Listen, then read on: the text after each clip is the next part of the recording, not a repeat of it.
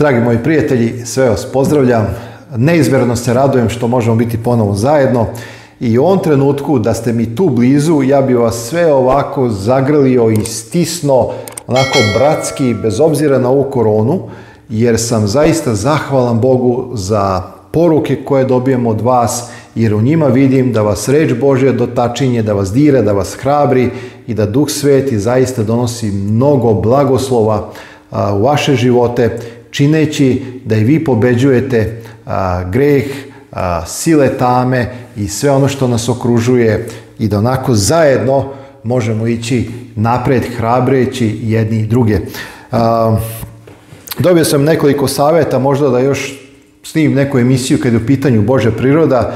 Dragi moji, ne mogu više ići od onoga što sam rekao u nekoj od prošlih emisija jer smatram, osjećam se onako, osjećam neku duhovnu oholost kada počnem ja da, da produbljujem Božju prirodu. Ono što svako od nas kada čita sveto pismo pronalazi kad je u pitanju Bog i otkrivenje Božje prirode jeste da kada čitamo reč Božju mi pronalazimo Oca Nebeskog koji je tvorac vrelo života, mi pronalazimo Sina Božeg Isusa Hrista koji je večna reč, kroz koga je sve stvoreno, koji je naš spasitelj, otkupitelj. I mi pronalazimo duha svetoga koji je sada na zemlji poslat da bude utešitelj, da bude onaj koji će nas voditi ka svakoj istini i osvjedočavati u reči koje nam je ostavio naš gospod Isus Hristos. Dragi moji, najpotpunije otkrivenje Božje karaktera jeste sam Isus Hristos koji je otkrio ljubav očevu. To je sve što ja imam da kažem kad je u pitanju Bog. Ono na što nas Biblija poziva jeste da upoznamo naše gospode Isusa Hrista, jer možemo u Bogu znati samo onoliko koliko nam je Isus Hristos i reč njegova otkrila. A to je dovoljno za spasenje, ne samo za spasenje koje nas čeka i kojeg sad već imamo, koje sad već imamo u Hristu, nego i za jedan pobožni život onako kako nam je Isus Hristos ostavio primjer. To je sve kad je u pitanju ta tema. Svako od vas može u skladu sa svojim interesovanjem izučavati. Imate mnogo izvora, imate mnogo raznih i dobrih komentara za sve što vas zanima, ali ja smatram da na mome kanalu i u mojim emisijama treba da raskopavamo dela đavola i da se čuvamo određenih zamki i da se motivišemo i podbunjujemo da činimo dobra dela da bismo proslavili naše gospod Isusa Hrista, jer hrišćanstvo je, dragi moji, poziv na jedan praktični život. A, sve ono što saznamo da je istina, mi treba da sprovedemo u delo. Tu se ostvaruje, dragi moji, svaka mudrost, tu se ostvaruje ono iskonsko pravo hrišćanstvo na koje nas Bog poziva. Da ne budemo samo zaboravni slušači, Znači, mi znamo šta je sada istina i onda se okrenemo i zaboravimo, nego da budemo tvorci reči. Jer Isus kaže, onaj koji sluša moje reči i koji to sprovede u delo, je onaj koji je sagradio kuću na steni. Dođoše oluje, dođoše valovi, dođoše vetrovi, ali on je ostao stabilan. A onaj koji čuje moje reči, kaže Isus, i okrene se i ne tvori, on je kao onaj koji je sagradio kuću na pesku. I dođeše valovi, i dođeše vetrovi i oluje i odnese sve. Evo, to je po meni sama srž, žila kucavica onoga što znači biti hrišćani. Hajde da slušamo Isusa Hrista i onda hajde e, da ga poslušamo. To je suština. Možemo mi filozofirati o Božoj prirodi, možemo ulaziti u razne debate, ali dragi moji, to deli ljude.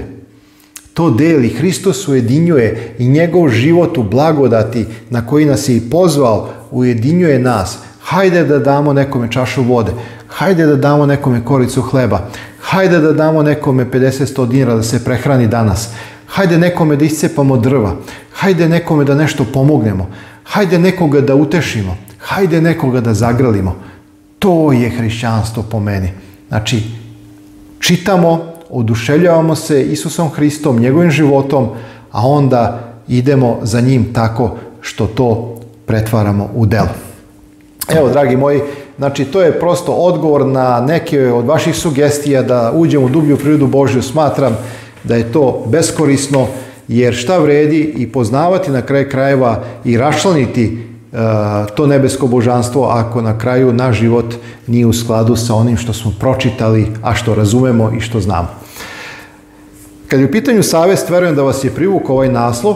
Prodajem savest sigurno ne grize. On je malo ovako duhovit, malo smešan, ali vrlo, vrlo ozbiljna stvar se krije u ovoj rečenici. Jer najgora stvar koja može da se desi s jednim hrišćaninom, ne govorimo o ljudima ovoga sveta, govorimo o hrišćanima koji poznaju istinu, da mu savest otupi, da mu postane neosjetljiva. Jer Duh Sveti danas uglavnom deluje i radi preko naše savesti. Ako naša savest otupi, ako umre, mi smo zatvorili vrata za utjecaj Duha Svetoga, mi smo ga na neki način odbili i ulazimo u jedno stanje neoprostivih greha. Zašto neoprostivih? Pa ako čovjek zgreši, savjest je otupela, ne osvjedočava ga da je učinio nešto loše, kako će se pokajati? ne može da se pokaje jer nije ni svestan da je učinio nešto loše jer je mu je smrtva. mrtva, a ako se ne kaje, kako će mu biti oprošteno? Ne može mu biti oprošteno. I tako čovek postaje grešnik u kontinuitetu koji se ne kaje, koji čini grehe, koji nije svestan možda da je to greh, ali jednostavno na osnovu nebeskog suda on ostaje nepokajani grešnik. I to je najgore stanje đavo je lukav i on će učiniti polako iz mjeseca u mjesec, iz godinu u godinu, da ne reagujemo na neke stvari i tako će nam savest biti sve više umrtljena i na kraju će totalno otupeti. Ono što svakako jeste uloga Duha Svetog da nas osvedoči u svaki greh i naša savest svakim danom mora da se oštri u odnosu na reč Božju. Na kraju krajeva, šta će nam danas reći, ko će nam danas reći šta je to loše? Da li će nam to reći vlasti, obrazovanje, škole, instituti? Ko će nam danas reći šta je dobro, a šta je loše? Nepogrešivo merilo je reč Božja i zato, dragi moji, naša savest mora da bude izoštrena u skladu sa reči Božjom. Da li je savest ljudska dovoljno etički mehanizam? Ne. Ona je koristan etički mehanizam, ali nije dovoljna jer ona mora biti usklađena sa nekim principima, a ti principi se nalaze u reči Božje. Zato, dragi moji, ako ne čitamo reč Božju, naša savest se neće uskladiti sa onim što je otkrivena volja Božja, sa moralnim zakonom i sa njegovom voljom, sa njegovim zapovestima i mi ne možemo onda jačati osjetljivost naše savesti. Zato se vraćam na onu predivnu istinu koju sam više puta govorio, da redovno čitamo reč Božju, da bismo stekli biblijski um. I onda kada se desi da smo nešto pogrešili, automatski savjest reaguje kao moralni policajac i mi onda se kajemo i kažemo gospode, oprosti mi, pogrešio sam i idemo dalje. A, evo nekoliko misli koje nam je ostavio apostol Pavle. Prvo Timotiju, prva glava, 19. sti kaže Čuvaj veru i dobru savest. Ovu su neki odbacili i zbog toga su doživjeli brodolom vere. Često apostol Pavle koristi ovaj izraz brodolom. Na kraju krajeva Biblija nam otkriva, kaže, tri put se sa mnom lađa razbijela i tako dalje. I onda to ostaje u njegovoj psihi i on koristi ovaj izraz da su doživjeli brodolom svi oni kojima je savest otupila. Čuvaj veru i dobru savest, jer kada čovjek odbaci savest, njegov život, kaže apostol Pavle, doživljava brodolom. Zapazite drugi tekst, 1. Korinčanima četvrta glava, od 4 do 5 kaže, jer ne znam ništa na sebi, ali zato nisam opravdan. Ali onaj koji mene sudi, gospodje, Zato ne sudite ništa prevremena dokle gospod ne dođe, koji će iznijeti na videlo što je sakriveno u tami i objavit će savjete srdačne i tada će pohvala biti svakom od Boga. Ili recimo u delima 24.16 zato se i trudim da uvijek imam čistu savest pred Bogom i pred ljudima. Savest, dragi moji, otkriva indikaciju greha. Da li postoji neki greh u nama ili ne. Trudim se, kaže apostol, da uvijek imam čistu savest i pred Bogom i pred ljudima. Nema kvalitetnijeg života od onoga koji ima čistu savest. Kada uveče legnete u postelju i ako je vaša savest čista i mirna, vi ćete imati mir i moći ćete mirno zaspati.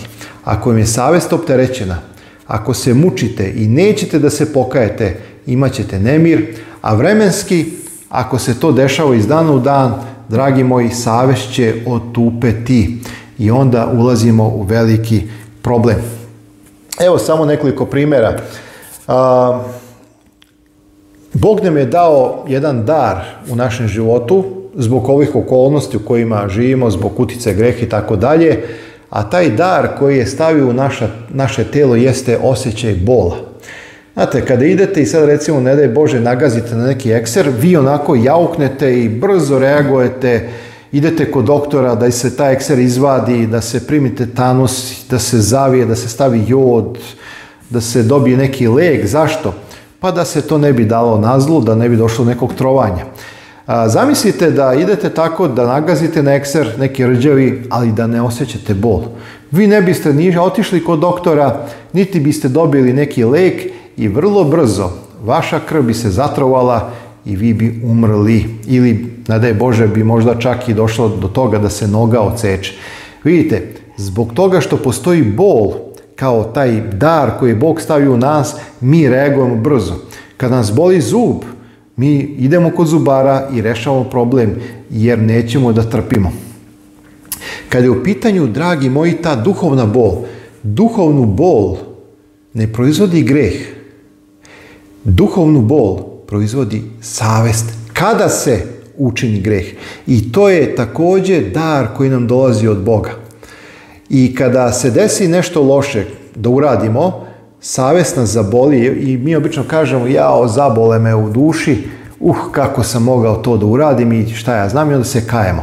A zamislite da nema tog bola. Čovjek bi mogao da čini zlo, da čini zlo, da čini... Vidite, nijedan čovjek, to je zanimljivo, se ne rađa kao ubica on postaje. I nije prvi put lako, ali kad uradiš drugi, treći, četvrti, peti put, ti postaješ, vi znate, onaj izraz hladnokrvni ubica. Ili recimo, nijedan čovjek se ne rađa kao lopov, kao pljačkaš banke. On se uči.